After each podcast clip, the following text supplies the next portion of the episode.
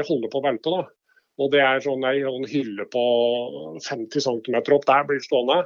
Og så skal jeg begynne å gå av da, for å dytte opp den. Så kommer de springende og bare sier 'sitt kvar, grabben, vi lyfter deg opp'.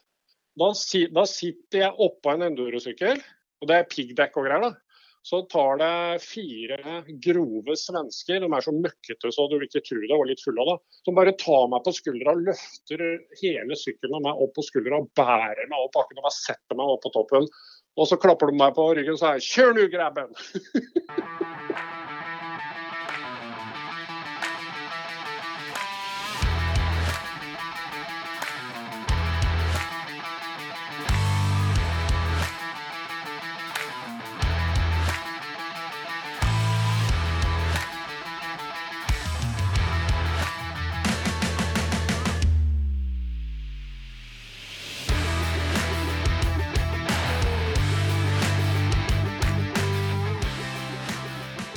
har du kommet inn på Rally Nord podkast igjen. Mitt navn det er selvfølgelig Dennis Travolta. I dag så skal vi faktisk ta turen utover i litt landlige omgivelser. Dette blir jo nok en uh, lavoktan uh, podkast. Hovedsakelig for deg med knotter på hjula. Så uh, da skal jeg egentlig bare ta og ringe opp, så skal vi bli bedre kjent med dagens gjest. Skal vi se om vi får noe tone her.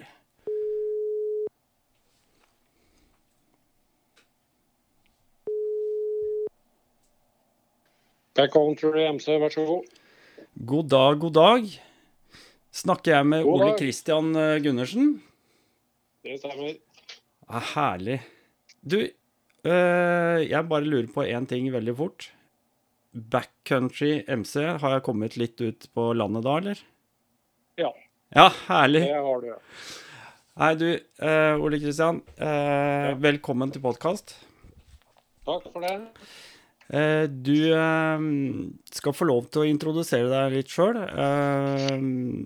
Vi har plassert deg ut på landet, og mer enn det vet jo ikke noen nå. Men hvis du kan begynne litt med hvem er du, og hvor holder du til, osv., osv. Ja, ja. Jo, jeg heter da Ole Christian Gundersen. Jeg er eier og direktør og pakkeassistent og alt mulig mann i Backcountry MC, eh, som ligger på ja, formell adresse Skotterud. Men eh, de som har vært hos meg, vet at jeg har en butikk på Magnor. Eh, der holder jeg til. Jeg er gift med Mariann. Eh, noen kjenner av Mariann. Eh, eh, hun hjelper meg også litt da, i, i butikken og sånn, og det, det trenger jeg. Ja. Av og til så er ikke helsa helt på topp, men det, det kan vi komme tilbake til etterpå. Ja. Så Så har jeg et par døtre, døtre 19 og 21-22 år, som uh, egentlig skal bo i Oslo, men pga. situasjonen så bor de jo mest hjemme. Uh, så det, det er jo en utfordring i seg sjøl. Så her er det folksomt innimellom. Jo, men det er kanskje Selv om det høres trangt ut, så er det kanskje litt større plass eh, å bo på bygda nå enn det er i Oslo. Ja, ja. Vi har eh, veldig lite smitteuttrykk her, og sånn, så jeg må, må egentlig ta litt hensyn til det. For det, det er jo veldig populært da, å, å komme i butikken, men eh, vi, må, vi, må, vi må passe oss litt. Ja. Du, vi skal, eh, vi skal komme lenger inn i, eh, i butikklokalene dine etter hvert utover her nå. Eh, Ja. men, eh, men det er klart det at eh, du har jo da fortrinnsvis en interesse for motorsykkel. Ja, det har jeg hatt hele livet. Eh, Jeg fikk ikke gjort så veldig mye av det eh, når jeg bodde i Oslo. Jeg bodde i Oslo i ti år. eh, Eller ja, fra 87 til 2000 Nei, fra 87 til 97 bodde Ja. jeg i Oslo. Ja. Hva gjorde Da, du da?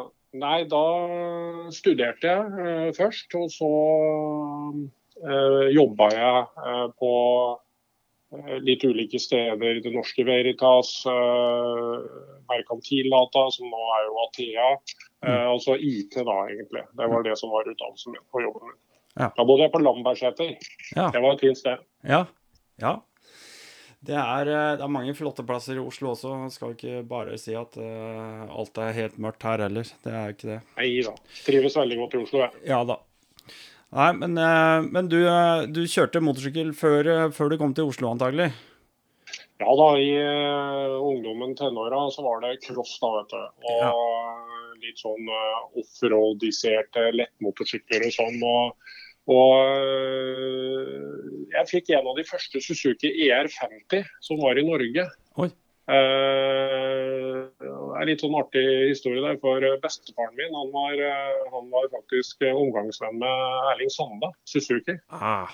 Og de eh, kjørte rundt du, på alt mulig rart. Saroleer og Harley og det ene og det andre. Og både farmora mi og farfaren min kjørte altså motorsykkelinteressen. har jeg hatt liksom gjennom uh, familien hele, hele, livet. da. Det ligger i blodet?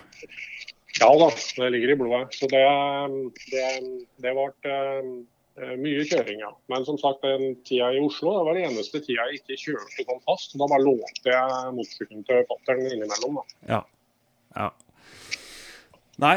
Eh, men, eh, men du, du, kom deg tilbake eh, fra byen og tok opp litt eh, motorsykkelkjøring igjen, da? Ja, for det at jeg eh, hadde en rygg... Ja. ja. Jeg hadde en ryggoperasjon i, i 98 og sleit litt første året etter det. Og, og rett og slett Eh, legene mine, da, kan si fysioterapeuter og alt sånn, var, eh, var, på om at jeg måtte prøve å finne på noe som måtte pushe kroppen litt. Og litt lat er jeg jo, og så hadde jeg motorsykkelinteressen. Og da var det å kjøpe seg cross- og endurosykler og begynne der. da, Og mm. holde på å gi opp uh, første året, for jeg var jo ikke noe særlig god form og mye smerter i ryggen og sånn. Men jammen i meg det med vondt skal vondt fordrives, og det, da ble jeg helt bitt av da siden. Ja. Så da var, det, da var, det, bare å kjøre hardt og dra på trening eh, flere ganger i uka og kjøre alle løpene du kom over osv., da, eller? Ja, det utviklet seg ganske fort. For jeg skjønte at du, du som har eh, treffet meg, du, du, ser jo det at jeg er ikke bygd for sprint. Jeg er bygd for litt mer sånn utholdenhet. Mm. Så eh, jeg digga det egentlig å kjøre over litt sånn Langen da, i teknisk vanskelig terreng og sånn. Ja. Og fant ut at det, det, lå litt til med akkurat det. Lange bein og heller litt mer seig enn en eh, eksplosiv. da. Ja. Så da konverterte jeg litt mer fra motocross til enduro. Og så tenkte jeg at dette var jo kjempemoro. Da hadde jeg aldri kjørt noe løp. Jeg bare drevet sånn eh, egentlig og trent og sånn. Og så bare så jeg fikk løst denne lisensen og så på terminlista. Og så sa jeg hva var det neste løpet nå? Jo, ja. det var NM. NM i 2004. Det var kult. Jeg bare må bryte inn, for du har litt sånn forstyrrelse på mikken din. Jeg vet ikke om den ligger litt urolig, eller uh, hva det er for noe? Jo, uh, OK. Okay. Ja. Sorry. Så hvis, hvis, du har mulighet til å holde litt på den, så hadde det vært uh, veldig fint. Det går bra. Nei, jeg, jeg, kjenner meg litt igjen i akkurat den enduro-delen. ikke det at jeg kjørte og hadde en sånn voldsom slående karriere på det, men, men det er veldig morsomt akkurat det der å liksom bare holde det gående, uh, syns jeg. Ikke, det er fint med fart og spenning, jeg, for all del. Jeg har full forståelse for det. Men det er noe med den enduroen som gjør det veldig spesielt, da, det derre utholdenhetsgreiene. Ja, det er eh, helt klart. Og man kan Det er eh, Du kan si i cross, da, så er du La oss si så er kanskje karrieren litt på hell når du begynner å komme opp i 30-åra og sånn. ikke mm, sant? Mm, mm i enduro så, så man, må man bruke litt, litt sunn fornuft og litt erfaring hjelper veldig godt. Ja. Liksom hvor man skal kjøre og ikke gjøre. Altså, altså eh, sporvalg og sånne ting. Og ja. ikke rett og slett gjøre seg bort. Og det tjente jeg veldig mye på. da? Å ta det litt med ro der. da, Og lange bein, vet du. og Det hjelper fælt. da. Nei, det er, eh, det er, moro. Men det utvikla seg. Jeg, jeg, jeg, vet at du har eh, Jeg sitter og ser litt på, på den profilbildet ditt på Facebook, og der eh, står det så vidt Er det 361? Et startnummer? Ja, det er Du kan si sånn at det bildet der representerer vel egentlig avslutninga mi på eh, Kall det litt mer seriøs satsing på enduro, da. Mm. Eh, som, som en mosjonist, om det noen gang blir seriøst, da. Men eh, da trente jeg to-tre ganger i uka og fant ut det at eh, nivået opp til de aller beste da, i Norge, Selv om jeg på slutten var klasse opp i eliteklassen i Norge, så var det, var det et nivåforskjell på Ullevålseteren og gjengen. Ja, ja. og la oss si vi andre da. Så da tenkte jeg nå for å Dit kom jeg aldri. Begynte å dra på åra, og da hadde jeg blitt 40 år òg, i 2008. Mm, Eh, Jeg mm. begynte jo egentlig med enduro bare da jeg var 30, ikke sant. Det er for litt for seint. Ja. Eh, Så det gikk eh, heftig for seg en ti år, men da tenkte jeg nå skal jeg avslutte dette her med stil. Og da, da mm, var det ikke så mange i Norge i 2008 som drev med dette ekstremendurokjøringa. Nei. Og da hadde jeg kontakt med en av de som begynte veldig tidlig med det, Kjetil Kvilhaug på Vestfossen. Og da veit jeg at han hadde vært i Ertsberg året før. Mm. Da ble vi enige om at vi drar dit. Og, og det er jo eh, et forferdelig idiotløp, egentlig. eh, Med to dager sånn Pikes Peak-kvalifisering til toppen. Ja. Det tar sånn ca. ti minutter. Men ja.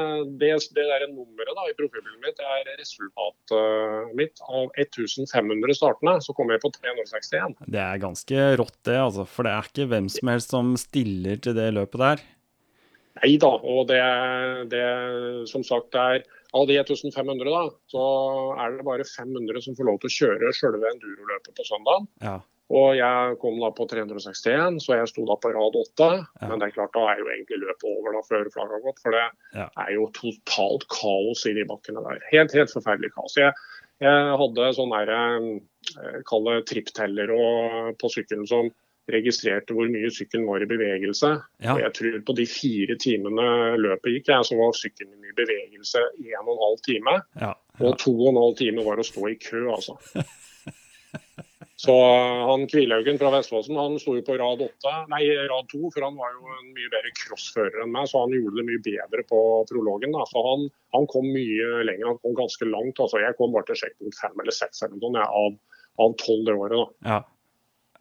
Men, men.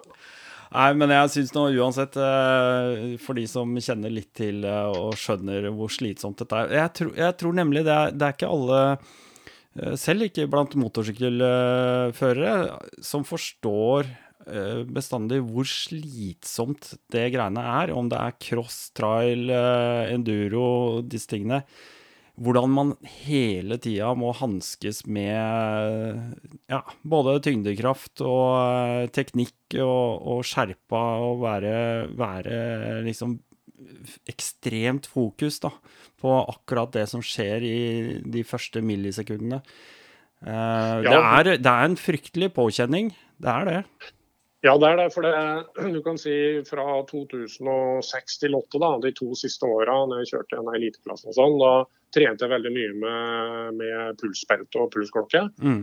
eh, for å prøve å, prøve liksom å se hva som foregår. da. Ja. Og det er jo i, på et løp det er jo aldri under 160 i puls eh, i to til tre timer. Aldri. Nei.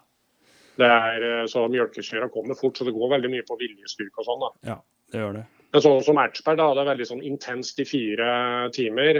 Det, Det, der, var det ikke så intenst, da, for jeg sto mest i kø. For på rad åtte så var det ikke gjort så mye. Men Nei. de verste løpa det er jo, Jeg har jo tre starter i novemberkåsene i Sverige.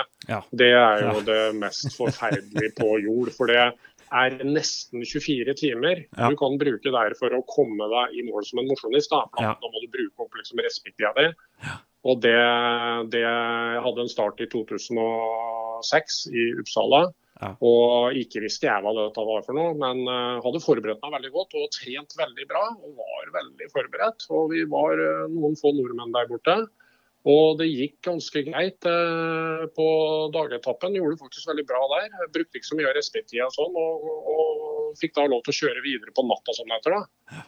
Eh, og det var ikke så veldig mange andre nordmenn som fikk lov til. Eh, og, men eh, da utpå nattetappen der, da brant stabelen opp i sykkelen. Så den bare stoppa i et kørøl. Det er så typisk. vet du. Ja, jeg, det er kanskje det løpet jeg har vært mest forberedt til. Ja. Og det er det eneste løpet i hele mitt liv jeg måtte bryte pga. tekniske problemer.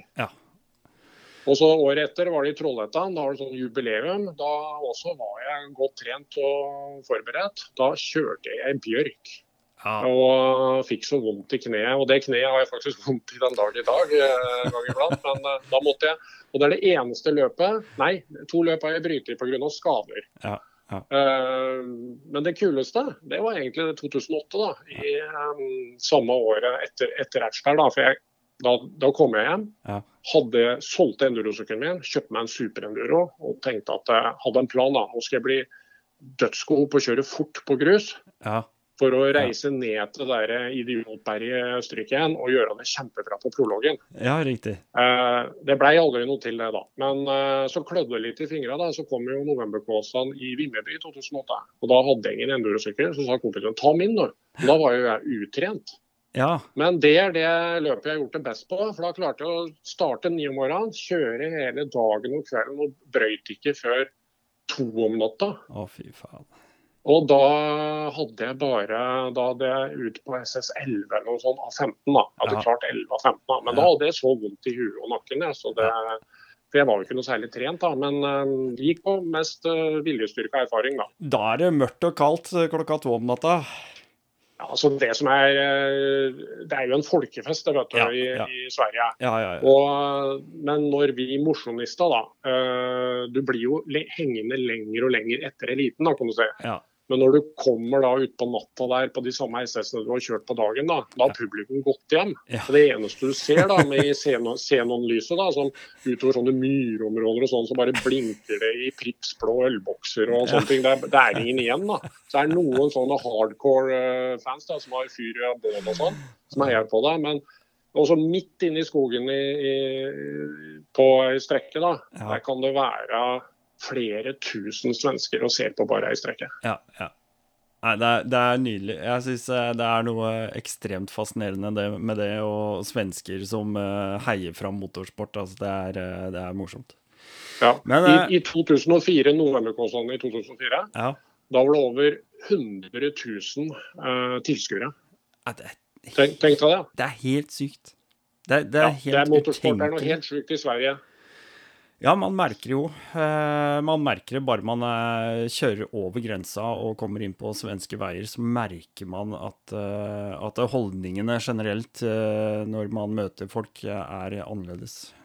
Det er, Ja. det, er, det, er, det er veldig spesielt, og at vi er et naboland som på en måte er så like, men allikevel så ulike på mange områder, det er, det er litt rart. Det er det, for det er, det er faktisk en god porsjon med motorolje i blodet på svenska. Spesielt her i Värmland og Dalarna, sier. Det er et sånn svenskerally, vet du. Er veldig, ligger tungt i grunnen her. Og det er, det er vel motorsportinteressefolk, altså. Det må jeg Ja. si. det er. Ja. Ja. Nei, det er kult. Det er kjempekult. Men uh, du, uh, du holdt det gående ganske lenge, da. Og så fant du ut at uh, nå, nå var det greit å legge inn årene og, og, og liksom roe ned den aktive Skal vi si aktive delen av uh, enduroen. ja. Og da Det kosta for mye. Det kostet Ja. for mye. Unga begynte å bli Det var greit så lenge unga var uh, små, kan du si. da, For jeg har en veldig snill kone som uh, tok seg av det. Men så begynte de, de eh, jentene å få mye andre interesser og sånn. da, vet du, Mm. krevde mye mer på hjemmebane. og det, Jeg kunne ikke forsvare å begynne å trene fire ganger i uka. For det, det, måtte minst trene fire Ja. ganger for å holde følge med eliten. altså Det er helt umulig. Ja, det er, sant. Det er sant. Nei, det er, det er vanskelig, og det er jo sånne situasjoner man eh, forhåpentligvis da tar de rette valgene også. Så, Ja. Men da begynte du å roe ned, og så eh, hadde du en ulykke noen eh, år i forveien da, med ryggen din og alt det. Ja, jeg har vært med på det meste. Og da skjønner jeg det sånn at du hadde jo en eh, karriere i eh, IT, for så vidt. Men her måtte du gjøre et veivalg. Ja, det Jeg jobber i et finsk selskap. Jeg hadde jo kontor her på Kongsvinger, en del hjemmekontor, men pendla en del til Finland. Og hadde en lysende karriere, for å være helt ærlig, som IT-sjef i det firmaet. Mm. Eh, men så ble jeg dårlig eh, igjen, da, eh, med noe annet. Jeg fikk rett og slett bare en tarmslyng i 2014. Oi. Og da um, havna jeg på lokalsykehuset, og det, det løsna ikke. da. Så etter et døgn eller to der, så, så tok de beslutningen at de måtte åpne buken da, og, så, og så prøve å fikse det, rette på det. Ja. Og det er um, Den gangen så trodde jeg at det var litt mer rutine. I ettertid så skjønner jeg det at uh, det er jo ikke bare bare det. Jeg så jo åssen det gikk med han eh, Finken f.eks. Det var akkurat samme. Ja. Så det, det, er jo triste saker. Jeg visste ikke egentlig hvor alvorlig det var. Men uh, det som var litt dumt da, var at det skjedde skal du si, feilgrep da, fra legene. Uten at vi skal prate så mye om det, men uh, det gikk, gikk, litt fort for seg. Så jeg ble kjørt videre til Ullevål og ble liggende der i ett år og tre måneder med åpen buk og høl på magen og poser og masse elendighet. Ett år Men og tre steg for steg, de, ja, ett år og tre måneder. Det var lange dager. da. Jeg hadde jo permisjoner, da. Eh, men eh, det var jo sånn tre-fire måneder sammenhengende til å begynne med. Og sånn, og måtte jo lære meg nærmest å gå på nytt igjen. For det, jeg vet, det tar tre uker før du legger deg ned i ei seng og ikke står opp, før du uh, ikke klarer å gå lenger. Det tar tre uker. Da har du ikke noe muskulatur igjen. Ah, fy faen. Og 30 kilo ned. uh, nei, ja. Men, men. Det er, eh, og Den perioden var jo litt sånn interessant, da, for da lærte jeg egentlig hvor, eh, hva viljestyrke betyr. da. Mm. Så mm, det den hele perioden så du måtte, måtte la oss si, sette av litt eh, innvoller på vent. Og så levde jeg med veldig kort uh, tynntarm, så jeg måtte livnære meg gjennom noe sånn intravenøs næring hver dag. Da. Ja. Uh, og det, da kunne jeg styre det litt, da, for jeg grein meg jo til permisjoner. Det gikk jo ikke så lenge før jeg måtte tilbake igjen til å begynne med, men etter hvert så ble permisjonene lengre og lengre. da. ja.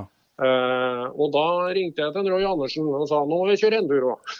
så da var det å, var det å øh, nære seg opp da, med Ja. ringer og det ene og det andre og sånn for å, i et par dager for å ha litt overskudd. Og så Ja. møtte jeg gutta på skogen og, og instruerte dem til å være eventuelt sykepleiere hvis jeg trengte det. da. ja. Uh, og så var det hjem igjen, og da var jeg helt uh, utslått i to-tre dager. da. Men uh, det var det som legen sa til meg på Ullevål, da, hun som tok egentlig alle operasjonene mine. Hun sa at med den viljestyrka di, så veit du du kommer til å bli frisk. Ja. Det, er, eh, det er rette innstillinga. Og det gikk bra. I september 15 hadde jeg siste operasjon. Ja. Og da stappet de alle innvollene inni meg igjen og sydde igjen. Og det har funket sånn passe bra da, etter det. Men jeg kunne ikke Jeg prøvde å jobbe etterpå, da. Eh, Men eh, i og med at det har blitt for mye ugagn inni meg, da, så er jeg kronisk forstoppa, som det heter. Så jeg må holde hjulvispa i gang. Jeg må bevege meg mye og gå mye. Og jeg kan ikke sitte i en kontorstol, da. Nei. Og det merka jeg ble litt komplikasjoner og litt innleggelse igjen og sånn. Og da sa de til meg at du, du må gjøre noe annet. Ja. Så hadde jeg en eh, god runde med Nav og prøvde å, litt omskolering og sånn. Men jeg er for gammel, så det gikk ikke da. Så det, det, da fant jeg ut at da, jeg må finne på noe helt annet. Og da Jeg har jo en hobby, da, motorsykler. Så tenkte jeg jeg etablerer et firma og, og tar det derifra. Mm. Og det har bare gått én vei. Hvilket år var det? Det var i 18. Helt ja. i januar 18. da. Ja. Så dette er eh, fjerde sesongen jeg driver nå, da. Ja. Og da er vi jo eh, plutselig nå inne på dagens situasjon, da. For nå eh, kan du jo fortelle litt om denne Dette er jo og, og grunnen til at jeg syns dette er interessant også, det er jo at det er jo en eh, nisjeforretning. Absolutt. Ja, det var det jeg tenkte på. For det er nok eh, butikker rundt omkring som selger gatesykler.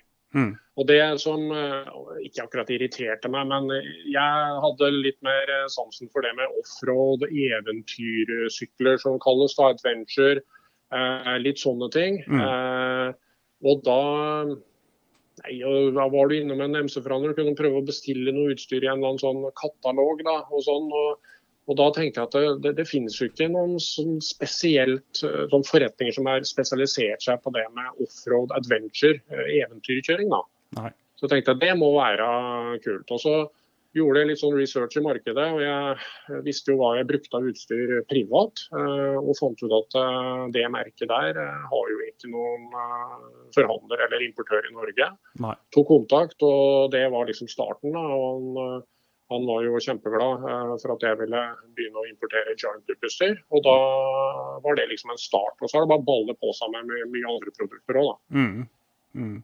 Ja, for Der er vi inne på en sak som jeg tenker litt på. Uh, skal vi uh, et, et, godt stykke tilbake i tid, men rundt 2006-2007 det var, det var da jeg på en måte begynte å kjøre BMW, da. Og, ja. og, og, liksom inn i dette GSA, altså adventure-regimet til, til BMW. Og Ja. da var det jo liksom Man skulle ha alukasser, og man skulle ha liksom eh, en tankveske som eh, matcha sykkelen og Ikke sant? Men På alt- 30 liter. Ja, ikke sant? På 30 liter. Det var faktisk 40 liter, skal jeg være helt ærlig. Det er ikke tull heller. Du så ikke over, vet du. Nei. Nei, du måtte se rundt og ut på sidene. Men, ehm, men det, som, eh, det som slo meg, og som, som jeg stadig tenker tilbake på, det var at den eneste sjansen vi hadde, da, det var jo da å bestille fra Turatek eh, i Sverige.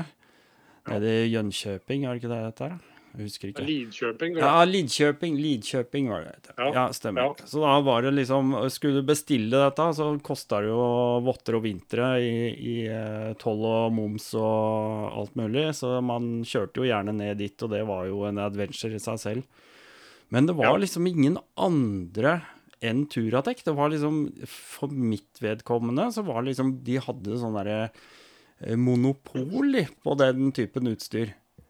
I en Ja, de var eh, tidlig ute, altså. De, eh, de skjønte dette her, her da, fordi at eh, når BMW kom med Gelender Strasse-serien sin, ja. da åpna det seg litt sånn eh, round the world og adventure-kjøring og sånn. Da Og Ja. da, da så Turatek at her har vi, her har vi markedsandeler, helt sikkert. Mm. Så de var smarte. Ja, var det. Men det var ikke billig.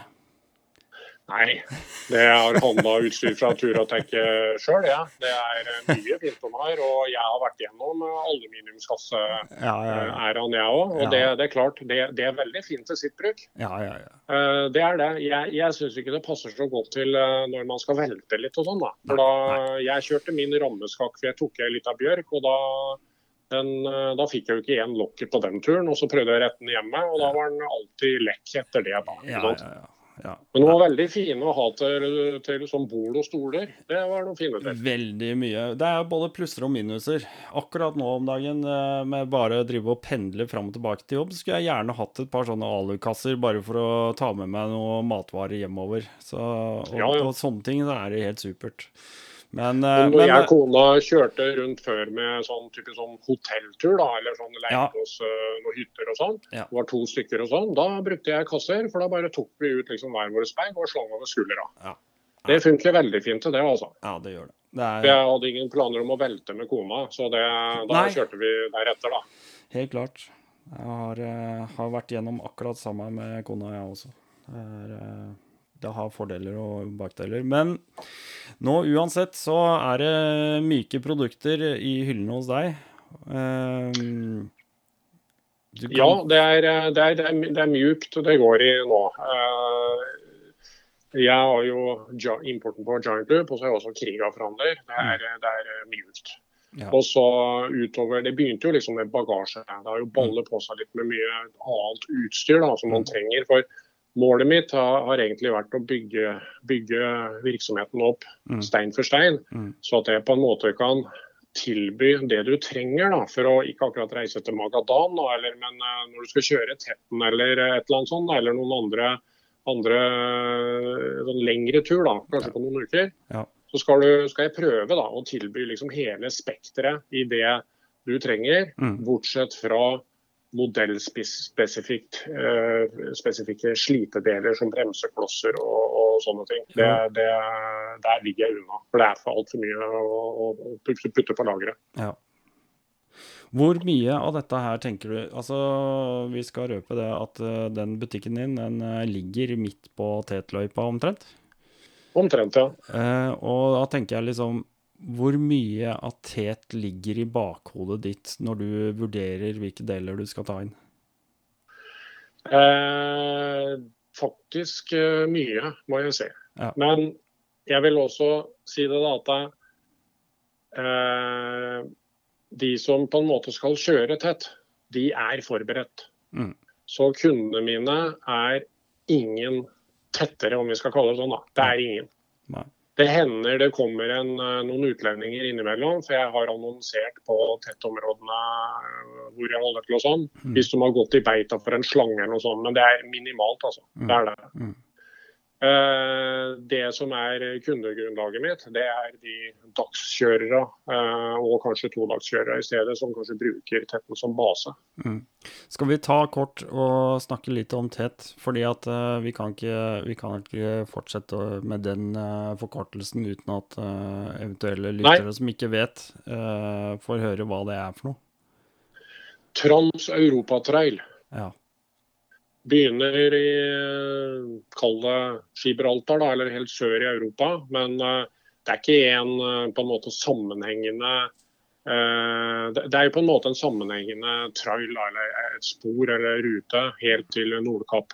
Mm. Man går jo innom alle land, så du kan Mm. jo egentlig kjøre i sikksakk rundt de fleste land i Europa. Det er noen som er, eh, er eh, veldig restriktive, så det finnes ikke noe. Ja. Eh, men han, han svinger jo innom eh, England f.eks. også. Ja. Eh, og det er på en måte en, kall det en dugnadsånd fra eh, likesinnede i Mm. forskjellige land.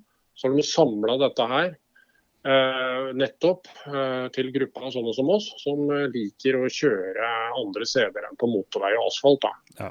Eh, Sjøl om eh, man må jo på asfalt og sånn eh, mange steder. Eh, det er jo helt klart. Men eh, det, det er en, et kjempebra sånn dugnadsprosjekt. Mm. Eh, som har nå vært aktivt en god del år. Um, og den går, kommer fra Sverige over til Norge, egentlig ved Charlottenberg, Mm. som er rett på innsida av grensen for der jeg holder til.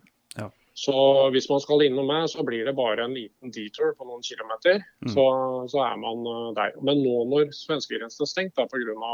covid-19, Mm. Eh, da på en måte kommer de over Aurskog, Mangenskogen over til Eierskogen, og så, så kjører de forbi butikken min og kobler seg på tetten der helt inntil grensen. Da. Mm. Men tett er, eh, er eh, et veldig fint prosjekt som vi må verne om og ta vare på og respektere og, oppføre, og, og, oppføre oss. For det henger i en tynn tråd i visse steder. Mm. eh, seksjoner deler. Og, og f.eks. i Sverige, der, vi prater jo om Sverige i sted, det, de er, la oss si de er litt mer motorsportinteressert. da. Mm. Eh, men til og med i Sverige nå, så er det faktisk grunneiere rundt omkring som har bomma og skiltet eh, og vil ikke ha noe MC-trafikk der som tetten har gått i flere år. Så nå må man dra om på andre steder, da. Ja. Uh, og, og jeg vil jo si at det, det, i fjor så var det jo veldig mye folk da på Finnskogen, her som tetten begynner å gå nordover. Mm. Uh, og Tetten fikk liksom litt sånn skylda for ting òg, at dette kommer til å bli undergangen vår. og sånn. Det er ikke det. For det at utlendingene som kommer, de var ikke så veldig mange i fjor, de da. Men eh, generelt de siste åra, de oppfører seg. De er på tur. Kjører i veldig rolig tempo og er eh, ikke noe interessert i å gjøre noe ulovlig. Og, og, og de, de har så fint rusletempo osv. da. Mm. Det som ødelegger tett, det er de som bruker tetten som base for en sånn dagstur. Ja. Og hvor de er litt stramme på vaieren og driver og kjører litt rally. om vi skal si det rett ut da. Ja, ja. Og så finner man stikkveier og litt hit og dit og sånn. ikke sant? Det, det, er, det må vi passe oss litt for.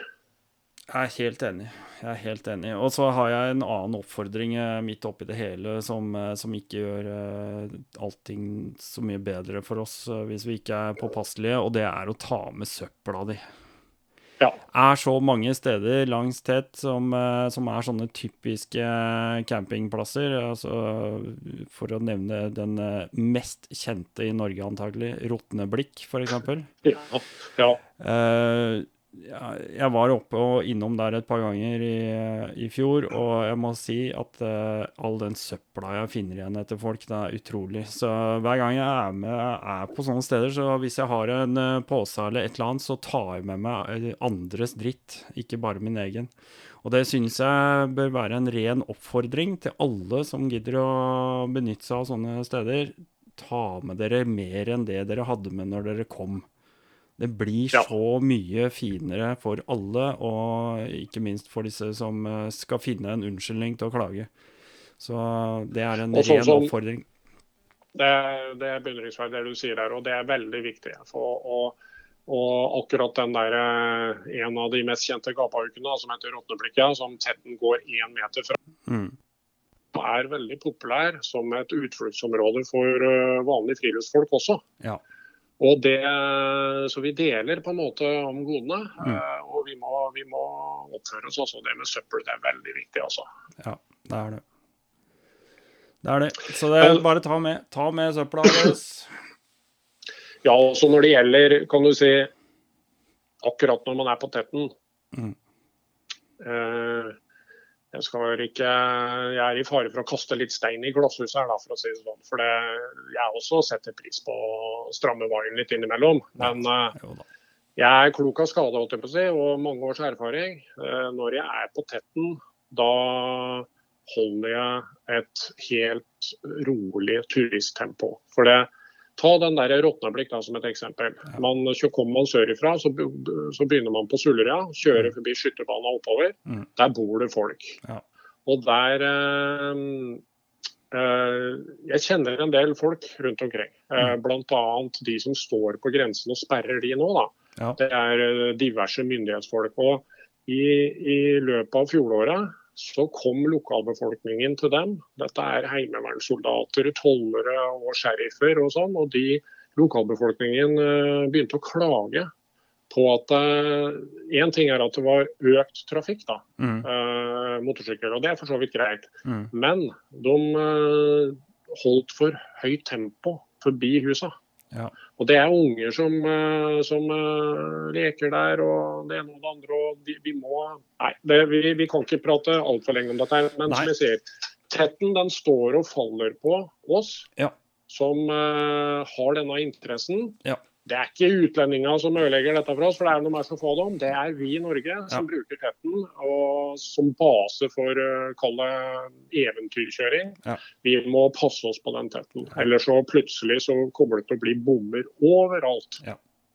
Vi, før vi løser ut av Tet, så vil jeg bare komme med én oppfordring til. og Det er at uh, nå er vi inne i en periode med snøsmelt, og hvor uh, veia rett og slett uh, går i, mer eller mindre i oppløsning. Uh, og så lenge ikke den, eh, de veiene får satt seg ordentlig, og grusunderlaget og sånt får satt seg ordentlig, og du begynner å kjøre oppi der eh, for tidlig, så lager vi altfor mye spor og dritt, og grunneiere kommer til å hate oss forresten. og det må vi også tenke litt på, selv om vi er vårkåte og har lyst til å komme oss ut og kjøre og det er gøy med gjørme og dritt og alt dette. Det syns vi alle, men, eh, men, for alles del, prøv å spare dere i det lengste. Og så skal jeg eh, selvfølgelig i shownotes eh, under eh, i teksten til podkasten skal jeg legge inn en link til TEDS for de som har lyst til å vite mer om det. Så mm. tenker jeg at vi avslutter den TET-praten med det. Hvis ikke du har noe mer på hjertet, da, Ole Kristian? Nei, jeg vil takke Linesman i Norge, Tore Silseth, for en fantastisk jobb han gjør. Han har egentlig overtatt litt arvegods av og norskevennen norske vennen Elving Solli, svensken, mm. som mm. er jo nesten mer kjent på Finnskogen enn hva jeg er. ikke sant? Ja, ja. Så, og det, Han, han um, følger med. Uh, han har litt kontakter, bl.a. meg og andre, som følger litt med i området. Og kan eventuelt dra om ruter hvis det blir litt problemer med lokalbefolkningen og sånne ting. Ja. Og holde den på rett side av lovverket hele tida. For det, Mm. det, det har jo vært seksjoner som har vært uh, litt sånn i gråsona. De er tatt vekk, for det, det, det tjener uh, vi ingenting på. Ja, og det er også Uff, du, uh, vi blir jo ikke ferdig. Akkurat det, Nei. tatt bort seksjoner, ikke sant. For disse løypene de blir jo lagt om, så at man må hele tida oppdatere, Ja. oppdatere seg på, på hvor denne går. Og, og det er klart at hvis man fortsetter i det gamle sporet hver gang, og kjører fortsatt i de traseene som faktisk er fjerna fra selve tettsporet, så så Mm. gjør man jo ikke ting bedre, for da fortsetter man jo bare å irritere i de områdene. Så, så det, sånn er, det er noen av de stedene som er skikkelig morsomme, men allikevel så må vi bare holde oss unna. Så sånn er det. Ja, for det, det er veldig viktig det du sier for Tore, da, som er linesman. Mm. Han også har kontakt med en del grunneiere Mm. og lokalbefolkning oppover. Ja. Og eh, tar imot kan du si, på en måte henvendelser og er i dialog med dem. Ja. Og noen steder også da eh, i samråd med de drar om og og også for å forandre litt og minske presset på de samme områdene. Mm. Hvis man da ikke oppdaterer til siste versjon, som du kommer til å legge ut link til, den eh, Trans-Europa-trail-websida, da kjører man på gamle ruter som har blitt gjort om. Det er veldig dumt. Ja. Så det er det første man gjør før man drar av gårde og har planlagt, det er å sørge for at man har oppdaterte ruter. Det, Ja. det er bare så enkelt. Mm. Ja. Nei, men uh, hvor skal vi ta dette videre? Vi, vi er uh, Vi hadde lyst til å prate litt om eh, roadbook også. For at uh, TET, det er jo sånn man bare laster inn på GPS eller på telefonunit eller hvilket, eh, hvilket annet eh, system man måtte bruke der. Men vi, vi har jo en annen del som heter roadbook. Som er eh, Skal vi si Det er på en måte motorsykkelens svar på kartleser. Der hvor eh, rallybiler har jo gjerne en kartleser som forteller deg hvordan veien går. Og så har ikke vi plass til det, men vi har da en dings foran oss med, med kartnoter. Hadde du lyst Ja. til å fortelle litt om det? Jo, roadbook-kjøring det er eh, dritkult. Det er kjempemoro. Man har eh, en papirrull som man snurrer på, som er montert typisk foran styret. Få notene. eh, For man, som du sa, vi kan ikke ha med kartleser på motorsykkel. I tillegg til det så må du ha en trippteller som er risatt til null når du starter. For i boka så står det f.eks. etter 7,5 km skal du ta til høyre i et veikryss. Da må du vite at du har kjørt 7,5 km. Mm. Og En stor fordel er det også at du kan justere den tripptelleren. For det hender du kjører bommer og drar på deg litt unødvendig kjørelengde. Da må du kalibrere tri tripptelleren med, med det som står i den, de notene på roadbooken, når du er sikker på hvor du er hen. Ja. Og dette her eh, har tatt eh, sånn ganske bra av i Norge, vil jeg si. Og jeg husker det er 13-14 år siden jeg begynte med det først, og lagde noen roadbooker og, og, og sånn. Egentlig litt bare for meg sjøl. Mm. Da var det ikke noe særlig miljø for det i Norge. Det var en håndfull litt entusiaster eh, som møttes en gang iblant. Derfor var jeg, hadde jeg en del kontakt med svensker gjennom den soe.so. Svens, s- s- sven, svenske offroad-entusiastene. De arrangerte roadbook-kjøringer rett som det var. Ja. Så da stakk jeg over til Sverige og ble kjent med noen svensker der og var med. Og der fikk jeg kjørt meg, fordi de gutta der de kan kjøre sykkel. Ja, ja. Og da, da fikk jeg helt eh, en periode litt dilla på det der. Og mm, tok ikke så lang tid før det begynte å, å bli eh, en del entusiaster i Norge òg. og nå har det kommet såpass langt så at eh, i fjor så arrangerte man jo en sånn roadbook cup her i Sør-Norge. Mm. Som besto av fire-fem litt lengre dagsetapper eller mer. da. Og det, det er kjempemoro. Det som er, det som er sjarmen da med roadbook, er at det, du trenger ikke GPS. Du kan ta deg fram, men du er prisgitt forfatteren av roadbooka. Ja. Så det ligger jo et ekstremt stort ansvar da på den som forfatter en rollbook. Ja. At da ruta er sikker. Det kan man jo aldri garantere, for eh, forfatteren kan jo ikke kjøre gjennom dette her hver dag og se at det har vært en washout rundt en sving og deler av veien borte pga. vårflom. Det går ikke. Nei. Så man må alltid ha det i huet. Men også ansvaret ligger på det at det, det skal være lovlig. Man kan ikke sitte på Google Earth og tegne inn, lage en roadbook som går over gårdstuen og bak eh, låver til bønder og sånne ting. Det, det, har det vært eksempler på. Mm. Og det er ikke helt bra. For det at eh, når man kjører roadbook, da, så er det, det, er forskjell på det å kjøre et par-tre kompiser på tur som kommer og forsvinner i løpet av 10-15 sekunder. Ja. Et sånn roadbook-hobbykjøring eh, betyr gjerne at man starter eh, hvert minutt eller andre minutt. eller noe sånt, så er det, Hvis det er en 30-40 med, så kommer det sykler annethvert minutt. vet du. Og hvis, eh, hvis eh, deler av den eh, boka går et sted som eh, det helst ikke skulle vært kjørt, Mm. da rekker han bonden å springe ut og sperre veien og gjøre både det ene og det andre. Det er ikke helt bra, da. Nei. Nei, det er ikke det. Men skal vi si uh, roadbook eh, generelt, eh, er det noe vi har uh, henta fra rally? Og da snakker vi kanskje litt sånn Dakar og, og den type Ja. ting, eller? Det er vel Nei, egentlig det. den type navigasjon i utgangspunktet?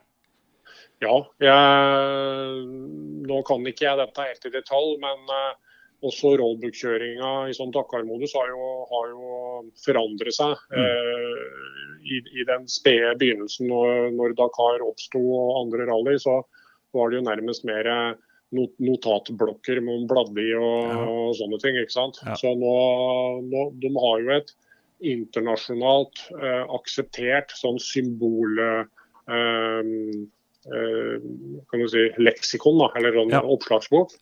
Eh, tulipper, som man kaller det. Eh, og det må man jo lære seg. Og mm, de som står bak det, der, den organisasjonen er jo fransk, faktisk. Så Ja.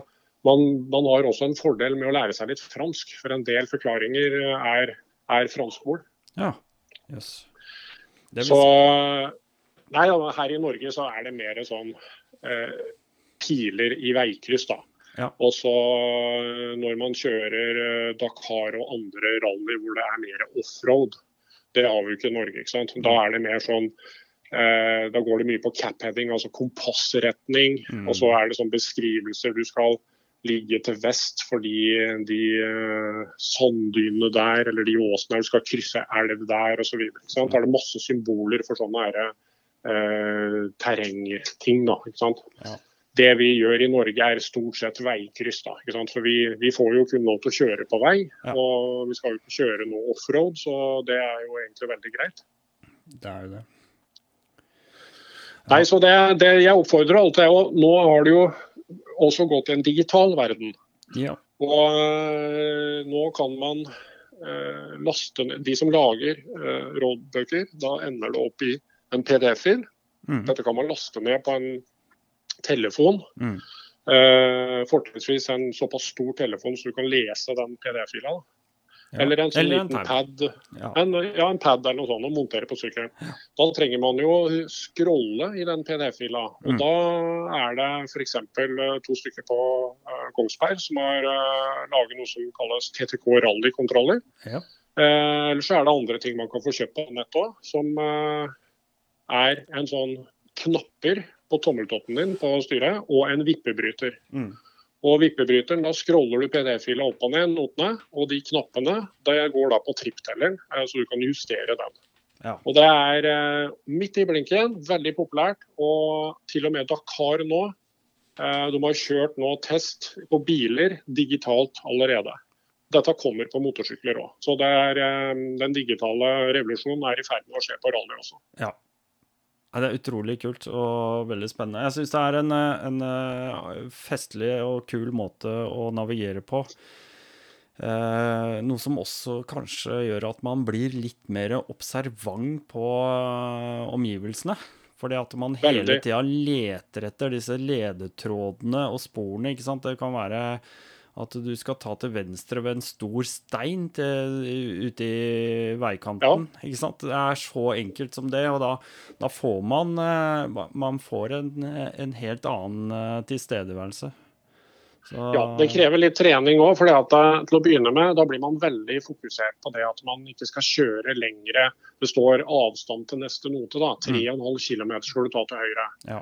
Og da på de 3,5 km Alle har jo en feeling, klarer å ta kanskje en par 2,5 km i huet, på en måte. Ja. Men til å begynne med så er man så redd da, for å kjøre forbi det krysset, så da sitter man med nesa nedi der. Så at eh, man trenger litt rann, eh, trening og sånn. Og etter hvert så klarer man å treffe sånn på mange kilometer. Så klarer man liksom å, å treffe på rundt 500 meter i huet, ikke sant. Ja, man slipper å drive og titte hele tida på den tripptelleren. da. Men det er sånn back to basic, navigasjon med egentlig Uh, veibeskrivelse på papir, som nå kommer over en digital verden. Og det er uh, utrolig fascinerende med det. Jeg har jo masse kjenninger som sier hva er vitsen med dette her, da? Ja. Det er mye bedre å bare få et GPX-spor å kjøre. ja ikke sant. Jo, men det er på en måte sånn at eh, roadbooka er litt sånn motsatt. da. At roadbooka, da på en måte lager du sporet, ikke sant? Ja.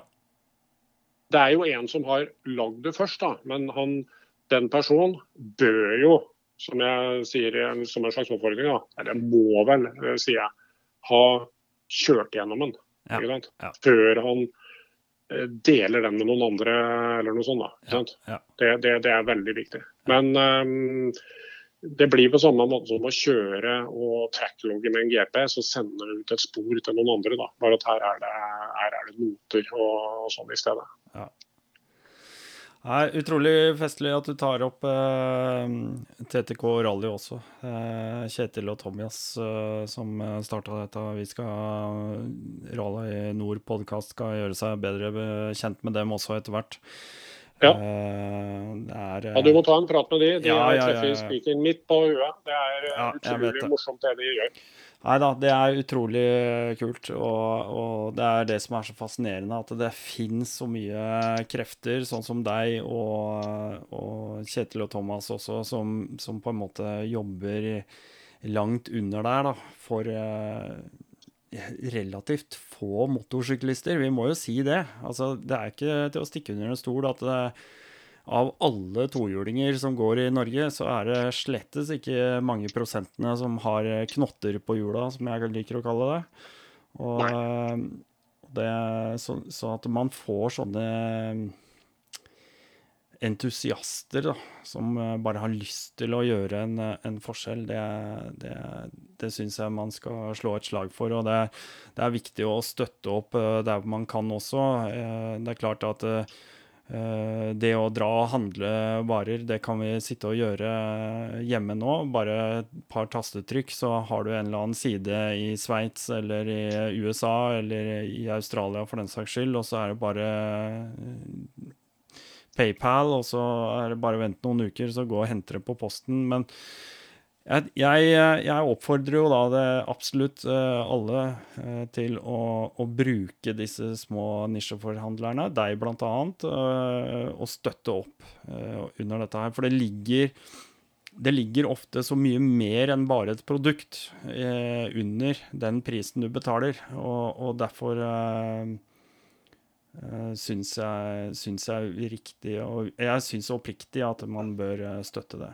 Absolutt. Det er hyggelig at du sier det, Dennis, og jeg setter jo veldig pris på det. For det er nettopp det jeg prøver å få til. At dette er ikke en vanlig butikk sånn nei, du får komme da og da og sånn. Og jeg svarer på telefon døgnet rundt og lørdager og søndager. Og, og møter folk i butikken på søndager fordi de er forbi og sånn. Og til konas store fortvilelse mange ganger. Men det er sånn jeg er. Og jeg veit eh, noen tenker liksom at Ok, Sånn som en Kurt da, Nyborg, som eh, driver Endurostand, og vi er liksom konkurrenter og sånn. Er helt feil, folk har misforstått helt. Vi er kompiser, vi. Mm. Vi har eh, veldig lite overlappende eh, la oss si, produkter. Mm. Eh, det er litt forskjellige konsepter, og vi eh, har tenkt å samarbeide mye mer i framtida. Sånn, så det er, eh, vi er kompiser. Sånn er det. Ja. Og verden er for liten til at man skal drive og knive om disse her få knastehjulskundene vi har i Norge. ikke sant? Ja, ja. Men det som er litt alltid, da, det er eh, både Kurt og jeg vi har produkter med en, til en pris. Mm. Så at det er litt artig når folk har kjøpt da på nett, Ja. og så har det kosta 1000 kroner mer. ja. Det, det, det skjønner ikke folk. Nei. Nei. Men, men. Det, var, det får bli dagens reklame. Ja, nei, altså, det er, det er ikke ja, Reklamen er eh, jeg, jeg, mener ikke at dette er reklame heller. Jeg syns det viktigste budskapet her er å få fram, som jeg sier, altså, de, som, de som virkelig ligger bak der, og som ikke er i, nødvendigvis i markedet for å gjøre seg søkkrike, liksom. Det er, det er andre krefter som drar, da.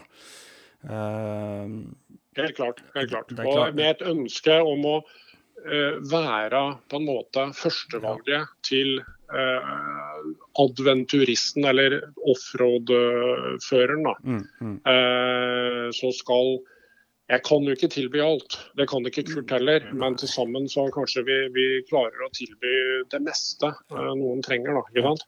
Og da ved at man det er jo et fritt land vi lever i, og man må jo få lov til å kjøpe ting akkurat der der. Men, men uh, når man plasserer penger i en noe lokal da, mm. da gir, gir, man sånne som meg i hvert fall muligheten da, til å kunne utvikle det videre med et bredere, bredere produktspekter og gode priser framover. Det er i hvert fall målet. Ja, og så tenker jeg ikke bare det, da. Men jeg, som jeg sier, jeg kan bestille det rett fra Østerrike eller hvor som helst. Altså, men eh, det er klart at den uh, den backupen uh, du skulle forvente i ettertid, den har du jo ikke. Ikke sant? Nei, ja, som, du, som du sier, eh, du svarer jo på telefonen. og skal ikke jeg oppfordre folk til å ringe til alle døgnets tider, det er ikke det jeg prøver å si her. Det er, det er bare det at kundeoppfølgingen er mer personlig og nær. Og, og det, det, er også noe man eh, I hvert fall jeg føler en trygghet da, hvis jeg kan betale 200 kroner mer, eller hva det, hva det nå uansett måtte være, så er jo det eh, bare hjertens gledelig å vite at man har en trygghet. Ja. Synes det er hyggelig at du sier. Ja, ja, ja. Vi prøver å strekke oss langt, uh, vi som uh, holder til eller lager sånne tilbud lokalt i Norge. Vi, vi strekker oss veldig langt. det vet jeg. Og så syns jeg det er koselig at du nevner Kurt Nyborg, uh, bare for å si det. Han, mange tror dere er konkurrenter bare fordi at dere, dere, på en måte er i det samme segmentet. da. Men uh, Kurt Nyborg, eh, ledena.no, for de som ikke måtte vite det, uh, er også en fantastisk fin fyr. Og, og, jeg ser jo det at dere har uh, veldig mye av de samme bakgrunnstankene rundt dette her. Ja. Så, så, det syns jeg er hyggelig at dere kan snakke varmt om hverandre og, og sånne ting. Og det, det bare ja, Du skal ikke bare, se bort i, Det ja, bare forsterker Ja, sorry bare, jeg bare tenker at det forsterker jo det, det um, samholdet enda mer. Da. At man faktisk uh, kan være gode og rause med hverandre også. Ja. Du skal ikke se bort ifra det at uh, når denne MC-messa kommer på fot igjen etter dette viruset, så kan det godt hende at Kurt og jeg vi, vi deler på en stand der pga. kostnader og sånn. Ja. For så lite overlappende er egentlig produktene våre. Det er litt forskjellige konsepter, for å si det sånn. Ja. Ja. Og kunden får eh, lov til å kjøpe akkurat det han vil, for det er forskjell til forskjellige bruksområder. Sånn er det bare. Ja. ja jeg satt der og tenkte på yes. det. Jeg, jeg, jeg, skal innrømme jeg bestilte akkurat en, en tankeveske av deg. Du veit jo at jeg er en, eh, kanskje en småsær fyr. Eh, men, men eh, når du sier det, altså dere har eh, ulike produkter som overlapper hverandre, eller ikke overlapper hverandre, men, men jeg er litt sånn Jeg tenker at folk må drite i om det er det ene eller det andre merket. Du må rett og slett gå for hva som funker best for deg. Altså om tankveska heter noe annet enn uh, sadelveska bak, så spiller det ingen rolle. Det må man må prøve å plukke der hvor man føler at det passer best for seg selv. Ja, helt klart. Tenker jeg. Men uh, Ole Kristian, har du ja. Jeg vil bare nevne én ting som, uh, som uh, vi ikke har snakka om når vi, vi snakka om backcountry-butikken din. Du ja. driver og pusser opp noen lokaler. Uh, ja, jeg utvider. Jeg har ja. et lite butikklokale. Ja. Og så har jeg store muligheter, for at jeg holder til på gården til faren min. Ja. Og der har det vært golfbane. Forfatteren og jeg vi bygde golfbane i 1996, som ble lagt ned i 2011. Ja.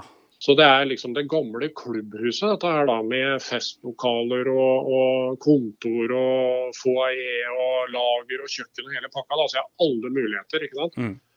Så det er det vi nå tar i bruk det ene etter det andre rommet da, og mm. prøver å løfte det litt opp. Eh, jeg trenger ikke all verdens plass, men eh, driver og pusser opp, ja. ja.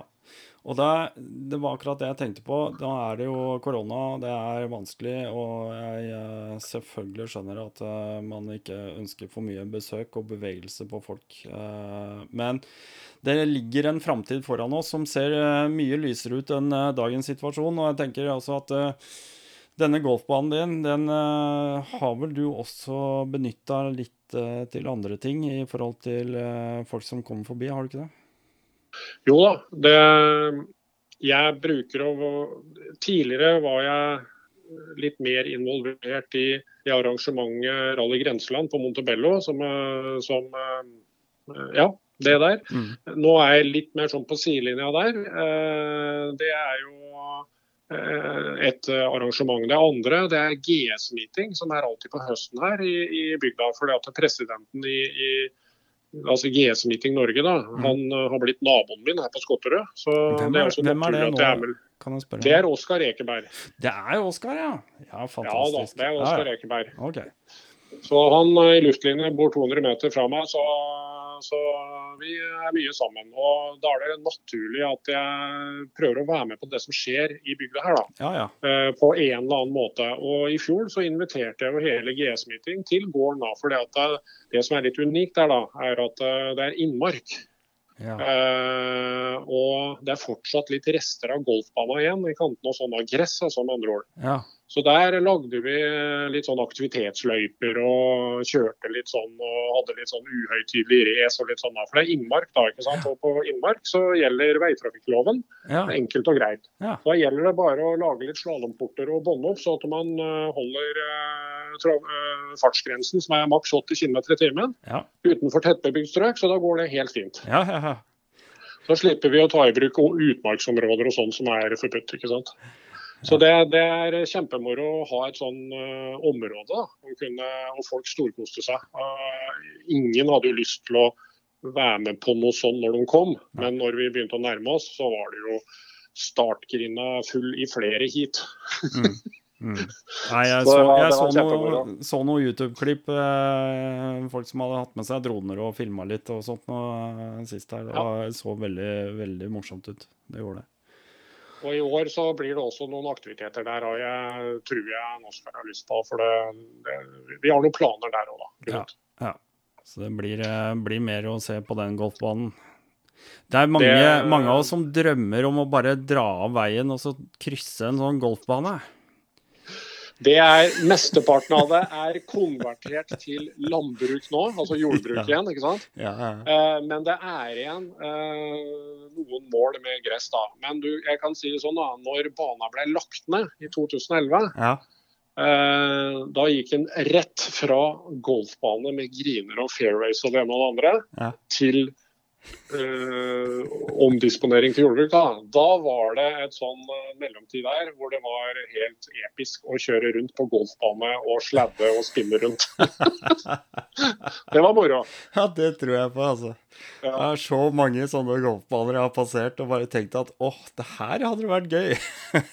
ja.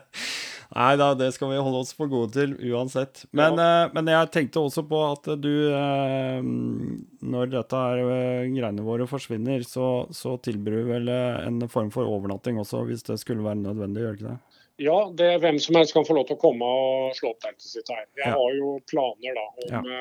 og Jeg har jo toalett, vanntilgang, sånne ting. Jeg har mm. ingen dusj. Det er det som er problemet. Så vi får se. Jeg har utstyr og sånn til det, hvis tida strekker til. Ja. Så kan det hende jeg lager en, kan en utedusj. da. Ja. Eh, det, det, hjelper eh, fælt å kunne få vaske seg litt. Altså. Det gjør det. Ja, det, det gjør ofte det. Absolutt. Men uh, det er klart, det, dette er jo på en gård, på gressplener rundt omkring. Mm. Uh, deler av golfbaner. Så det finnes jo mye finere telt- og overnattingssteder på, på Finnskogen. er. Men faktisk noen utlendinger har benyttet det. For det er litt sånn strategisk at man er ferdig med Sverige. Ja. så stikker man innom en av disse her eh, Hersens kjøpesentra på grensen og handler litt og sånn for å gjøre klar til eh, neste etappe. Og så har man liksom ikke tid til å finne seg teltplass, og da har de kontakta meg og spør pent da. Det er bare å komme som jeg ser. Så mm. ligger de der og gjør seg klare til dagen etter. da. Mm. For dette stedet det står markert i uh, Tete? Stemmer. Det er sånn, Der har han, han sjefen sjøl tett og laga en sånn Tett Space, er det noe som heter. Der der kan alle legge ut hvor du er velkommen, da, eh, og få telte og få litt fasiliteter. Det er et fantastisk godt tilbud. Jeg tror vi skal gi en stor takt for det tilbudet der.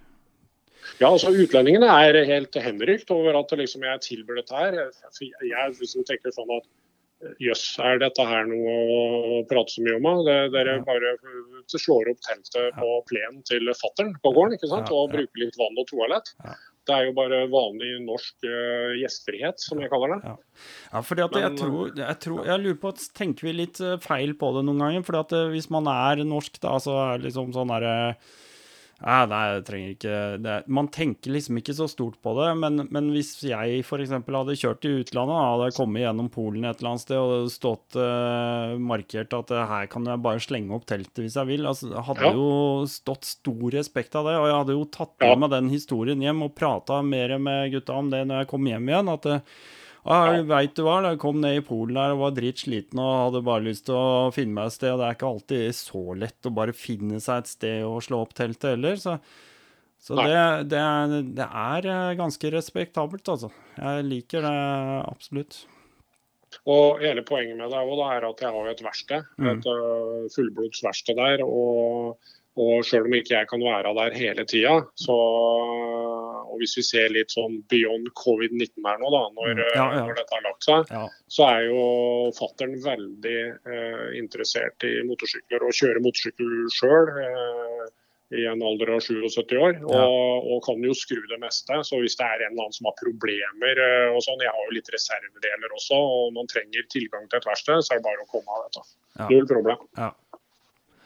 Nei, det er, eh, det er, helt utrolig kult. Eh, bare takke for det. Som jeg sier, jeg, jeg, føler ikke på noen måte at dette her er noe reklame. Jeg føler heller at uh, dette her er uh, Ja, en, en åpenbaring, holdt jeg på å si. Og, og jeg tenker at uh, folk må ta vare på det, og alle andre som driver med nisje. Absolutt. Fantastisk kult. Ja. Har du noen noe, morsomme historier du har lyst til å runde av med? Ole Kristian? Å, kjære vene. Der var det jeg bare, ikke har vært med på. på. Bare dra på. Vi er, på ja. vi, er, vi er, jo da på lavoktan-podkasten Rally Nord, så her er alt lov. ja, det, det, vi vi prata jo litt om novemberkåsen da, ja. uh, tidligere i sendinga. Jeg kan, jeg kan uh, fortelle litt av en liten uh, hendelse der som skjedde meg sjøl, bare for å illustrere hvor interesserte svenskene er. Da ja, Da er vi tilbake i 2006 i Uppsala. Ja. Og jeg har gjort det bra på dagen og ikke havna i noe respit-tull eller noe sånt. Uh, utrolig steinete område og sånne steinbakker opp og ned og helt forferdelig steinete. og det er litt sånn, Jeg føler ikke meg akkurat stolt av jeg klarte ikke å fullføre der, men uh, av alle Kåsa Joakim Ljunggren har kjørt, ja. så sier han alltid i alle intervjuer at uh, Uppsala 2006, det var faen i meg det verste jeg har vært med om. Så, så det var uh, Så der, der var jeg. Ja. Gikk ganske greit på dagen, men så kommer kvelden, da. Og så husker jeg fra dagen da, ja. at langt, langt, langt inne i skogen der så var det en veldig bratt steinbakke som var litt lei å komme seg opp. Ja. Og jeg har jo et etternavn, vet du. Gundersen. Ja. Og svenskene tror at alle som heter Gundersen i Norge, er uh, supergode, vet du. Og, så jeg blei ble, uh, eh, ble loddtrekt da, i den sida av gruppa. Så jeg måtte starte bak han Mats Lappen Nilsson, som var kanskje kongen av Kåsar og Gotland på den tida. Eh, så han hadde ett minutt før meg. Så hadde jeg Bjørne Karlsson, verdensmester og sånn, i enduro bak meg. Og midt i der kom Ole Kristian Gundersen. Ja, for det at vi har en Gundersen, og skal vi si hvem vi sikter til da, eller? Ja, det er Kenneth og Kjetil Gundersen. Ja, riktig. Ja. Og de har jo vunnet i Gotland og sånn, og vært på høyt og vunnet VM-runder i cross, har jo Kenneth gjort. Og, det liksom, og da, da står jeg da på startrampa der. Og samme spikeren som har vært de siste 20 åra, Kåsan, der er det jo TV og sånn. da. Ja. Og så kommer han til meg da, så skal han introdusere ja, vi, her har vi Gundersen fra Norge. Ja. Ja, det er eh, Her skal det åkes jettefort. Gundersen er et kjent motorsportnavn eh, her i Sverige. Eh, og kommer du, her kommer det til å gå fort. Ja, ja, mens jeg, vet du.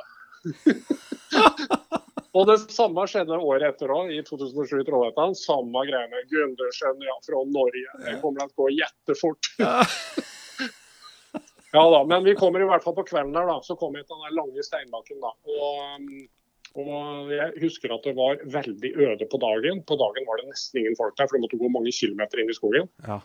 Eh, Så kommer jeg ut og begynner å bli litt sliten. da. Så har, sykkelen allerede begynt å fjuske litt, ikke gå helt rent. Og det var jo bare starten på disse statorproblemene mine, men Ja. greit nok.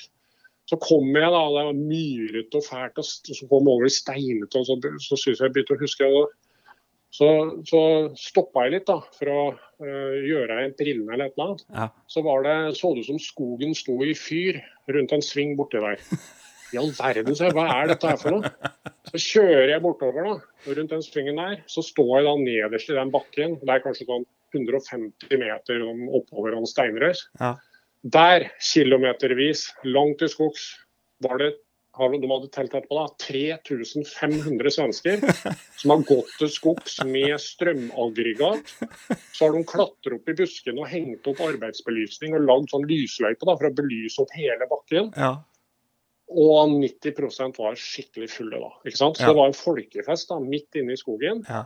Og så på kvelden så er det ikke så mange førere, da. Så jeg var ikke stående alene nede, så står de og skriker der 'kom igjen, kom igjen'. da. Og jeg tenker ja, ja, jeg får kjøre, da. Og det gikk eh, rimelig bra, men hadde jeg én meter, der var det steinhylle. Der stoppa sykkelen. Så Ja. stående der. Sjøl om jeg har lange bein, klarer ikke, klarer ikke liksom helt å nå ned. Holde på å da. Ja. Og det er sånn ei sånn hylle på 50 cm opp. Der blir stående. Ja. Og så skal jeg begynne å gå av da, for å dytte opp den. Så kommer de springende og bare sier 'Sitt kvar, grabben, vi lyfter deg opp'. Da, da sitter jeg oppå en endurosykkel, og det er piggdekk og greier. da. Så tar det fire grove svensker, de er så møkkete så du vil ikke tro det var litt full av det. Som bare tar meg på skuldra, løfter hele sykkelen av meg opp på skuldra og bærer meg opp bakken og bare setter meg opp på toppen. Og så klapper de meg på ryggen og sier 'kjør nu, grabben'. Og det er, det, er, det er mange sånne historier, altså, men den var litt kul, da. ikke sant? ja, det der Dessverre da, så havarerer statoren uh, på neste SS, da, så da var det bare i et gørør der. bare buff, Ikke aldri noe mer start på sykkelen. Ja, fy faen. Ja, det er moro. Det er moro. Ja, det er uh, veldig moro, det derre Kåsa-greiene. Altså, det er utrolig kult. Hvis man ikke hvis man jekker ned skuldrene litt Ja. og ikke er liksom verdensmester og sånn. altså Målet mitt eh, er på en måte en eller annen gang å ta seg til mål. Mm. Og tida begynner å renne ut for meg. Men, eh, men eh, det fins helt forferdelige kåsar, og så fins det bare vanskelige kåsar. Det fins ingen lette, for det er, så, det er så langt og lenge å kjøre. da. Ja. Men det kan hende en gang i framtida jeg plukker ut en som jeg tror Må se litt på geografien i Sverige, hvor det er ikke så steinete og så myrete. da. ja, for det Kåsan den flyttes jo fra hvert år. Ja.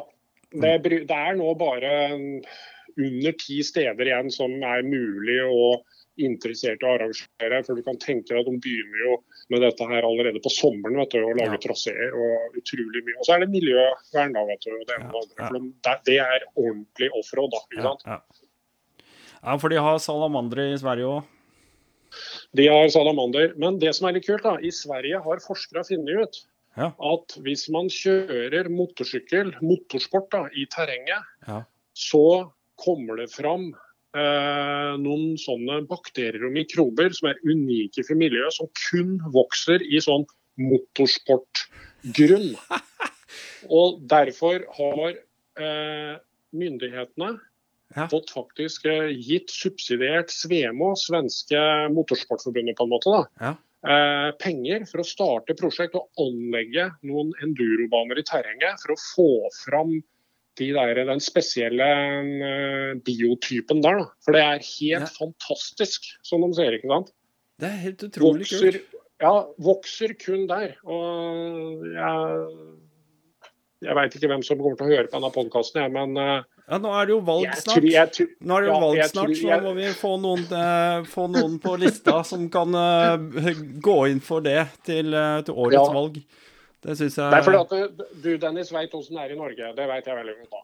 Mm. Nå, dette var et eksempel på hva, hvordan tenker man i Sverige. Der er ikke liksom motorsport en fiende. Det har liksom livets rett. Ja. Der faktisk får de penger for å anlegge motorsportområder i terreng for å få fram visse typer bakterier og, og, og biotyper da, i, i naturen. Mm. Ja.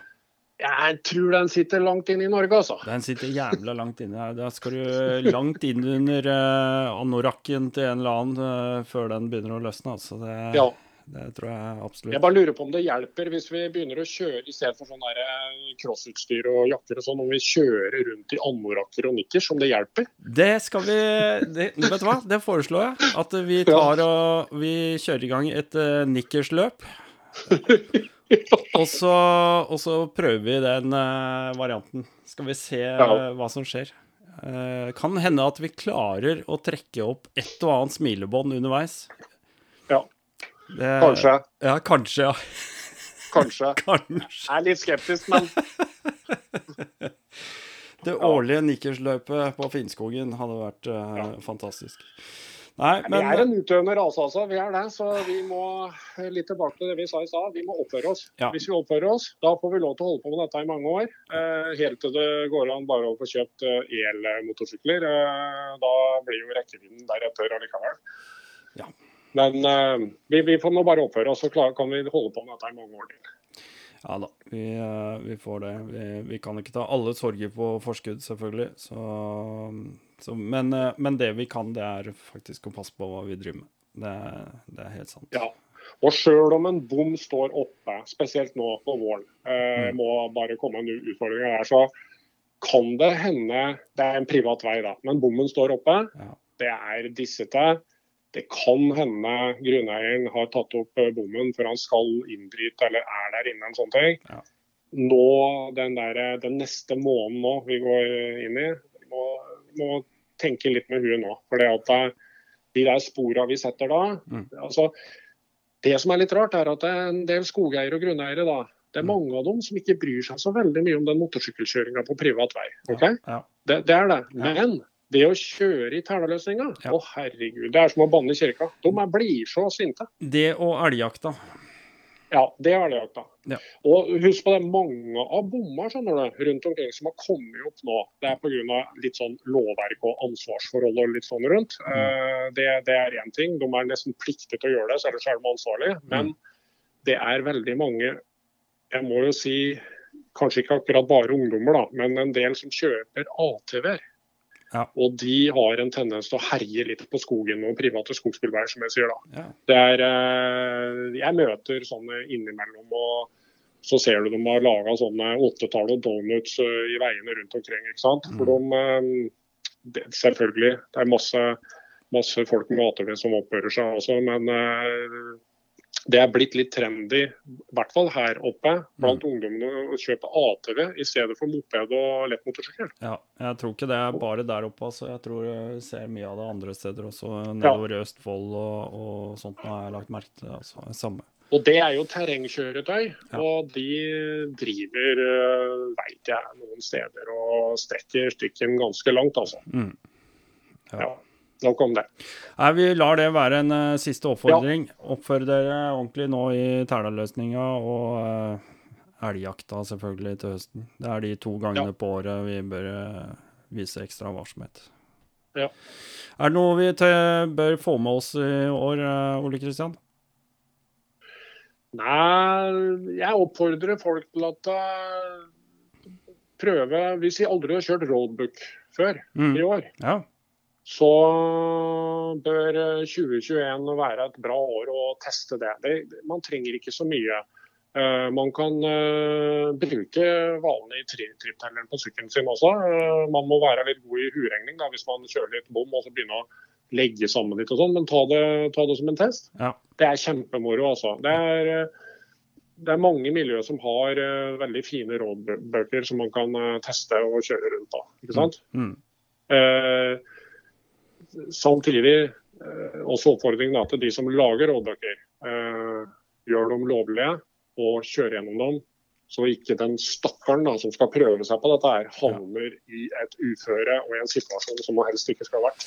Ja, og der tenker jeg også noe sånn eh, Når du lager en roadbook og du faktisk eh, sjøl er usikker på hvor lovlig den er, så i hvert fall ikke begynne å dele den eller legge den ut på nei, nei, nei. åpne fora og sånne ting, for da blir det bare bråk etterpå. Det, vi, må, vi, må, bruke huet. Det er litt sånn sjakkspill akkurat hva vi gjør eh, med disse her notene, og, og da tenker jeg at det er, det er bra det, å, å, å, kjøre gjennom og vite sjøl før du deler den.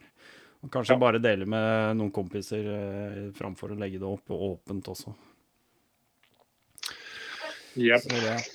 Men Nei, få med seg ellers. Det er jo noen treff litt her og der, da. Selvfølgelig Bukkeritt i Folldalen. Det ja. er jo på en måte uh, hovedlandsmøtet, om vi skal ja. kalle det sånn, for oss som har interessen. Ja. Uh, GS-meeting uh, på Persmoen her, her, i bygda uh, på høsten. Mm. for de som kjører GS. Det er kun åpent for GS-sykler, ja. ikke bare BMW engang, men du må GS. Ja.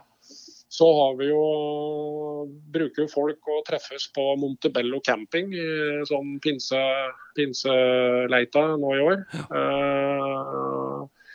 ting blir veldig vanskelig med denne coviden da, i år. Det er det. Det gjør det. Det gjør det. Så um, kanskje man skal uh, ta det litt med ro også, nå på vårparten, til de fleste får denne sprøyta. ikke sant? Ja, og det tenkte, jeg, tenkte jeg, da at eh, de fleste, kanskje de fleste, altså, altså, noen av oss i hvert fall, de begynner å bli litt sånn gråstengt uh, i hårfestet. Ja. Og da kan det jo hende at du står ganske langt fram i køen for å få den sprøyta. ja, her i kommunen så går det litt trått, da. Det, ja. det er det. Men, ja. Eh, men, eh, jeg nevnte jo én ting eller to da med rygg. Det, det, det, er mye mer, skjønner du. Som, ja, eh, jeg har hatt litt uflaks her i livet. Så jeg altså går og venter på sprøyta, for de har putta meg i den gruppa mellom 74 og 85 år.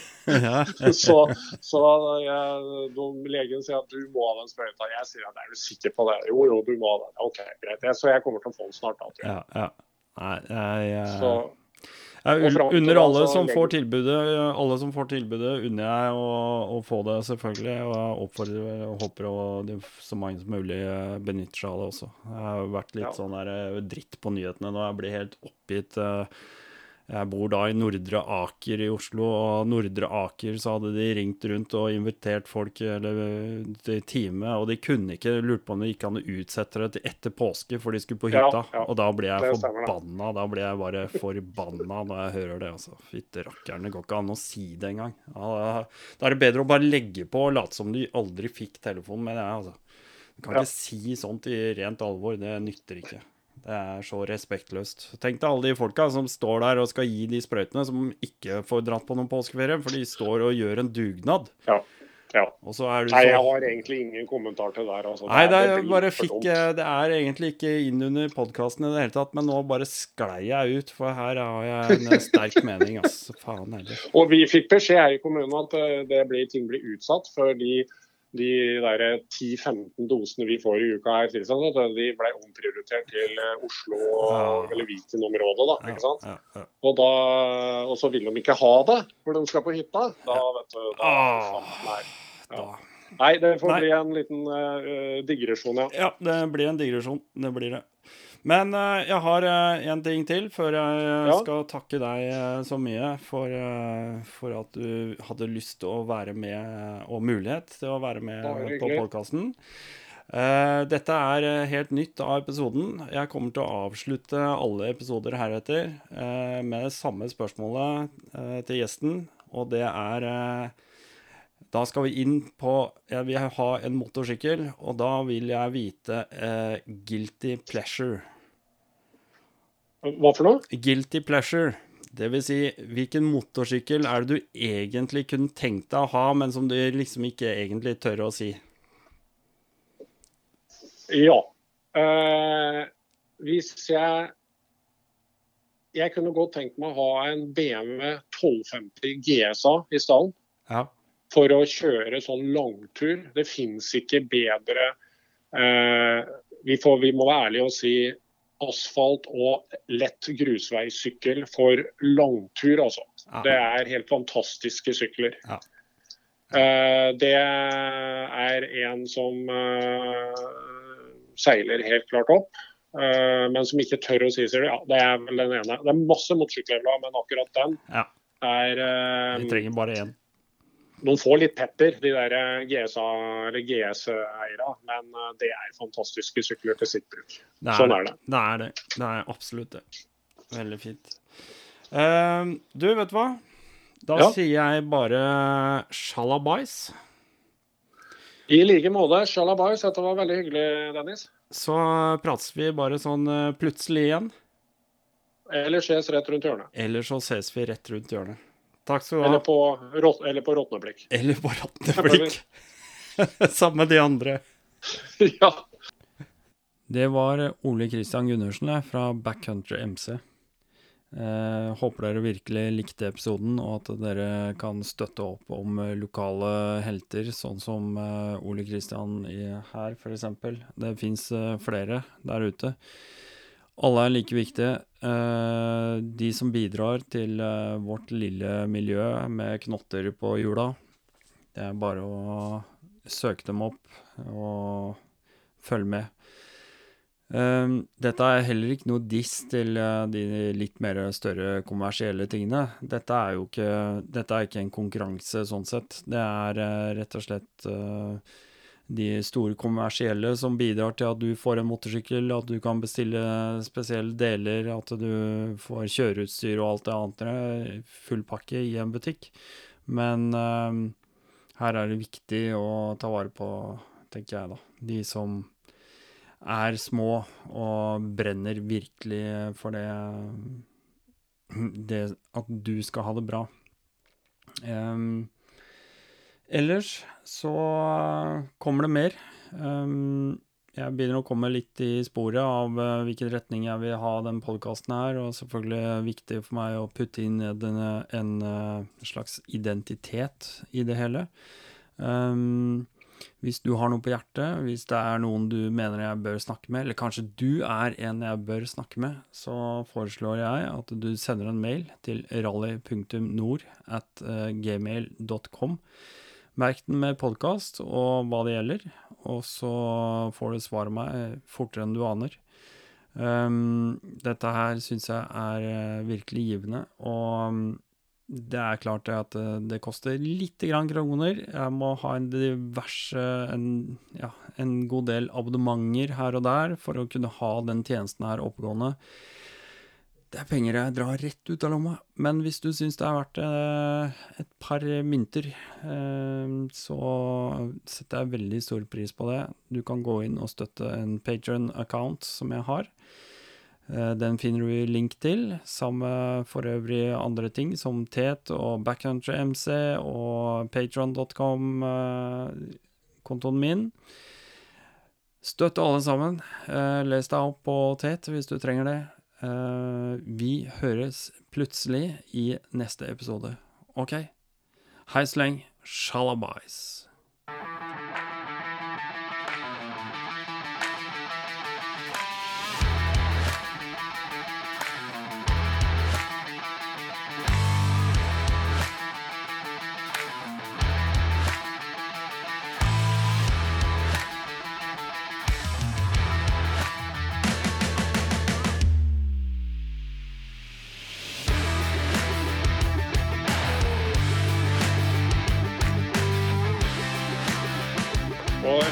Ønske om å uh, være på en måte førstevalget til uh, adventuristen eller offroad-føreren.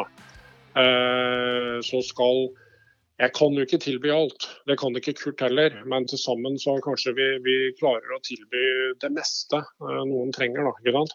Og da ved at man Det er jo et fritt land vi lever i, og man må jo få lov til å kjøpe ting akkurat der. der men men uh, når man plasserer penger i en hos en lokal forhandler, da, da gir, gir, man sånne som meg i hvert fall muligheten da, til å kunne utvikle det videre med et bredere produktspekter og gode priser framover. Det er i hvert fall målet.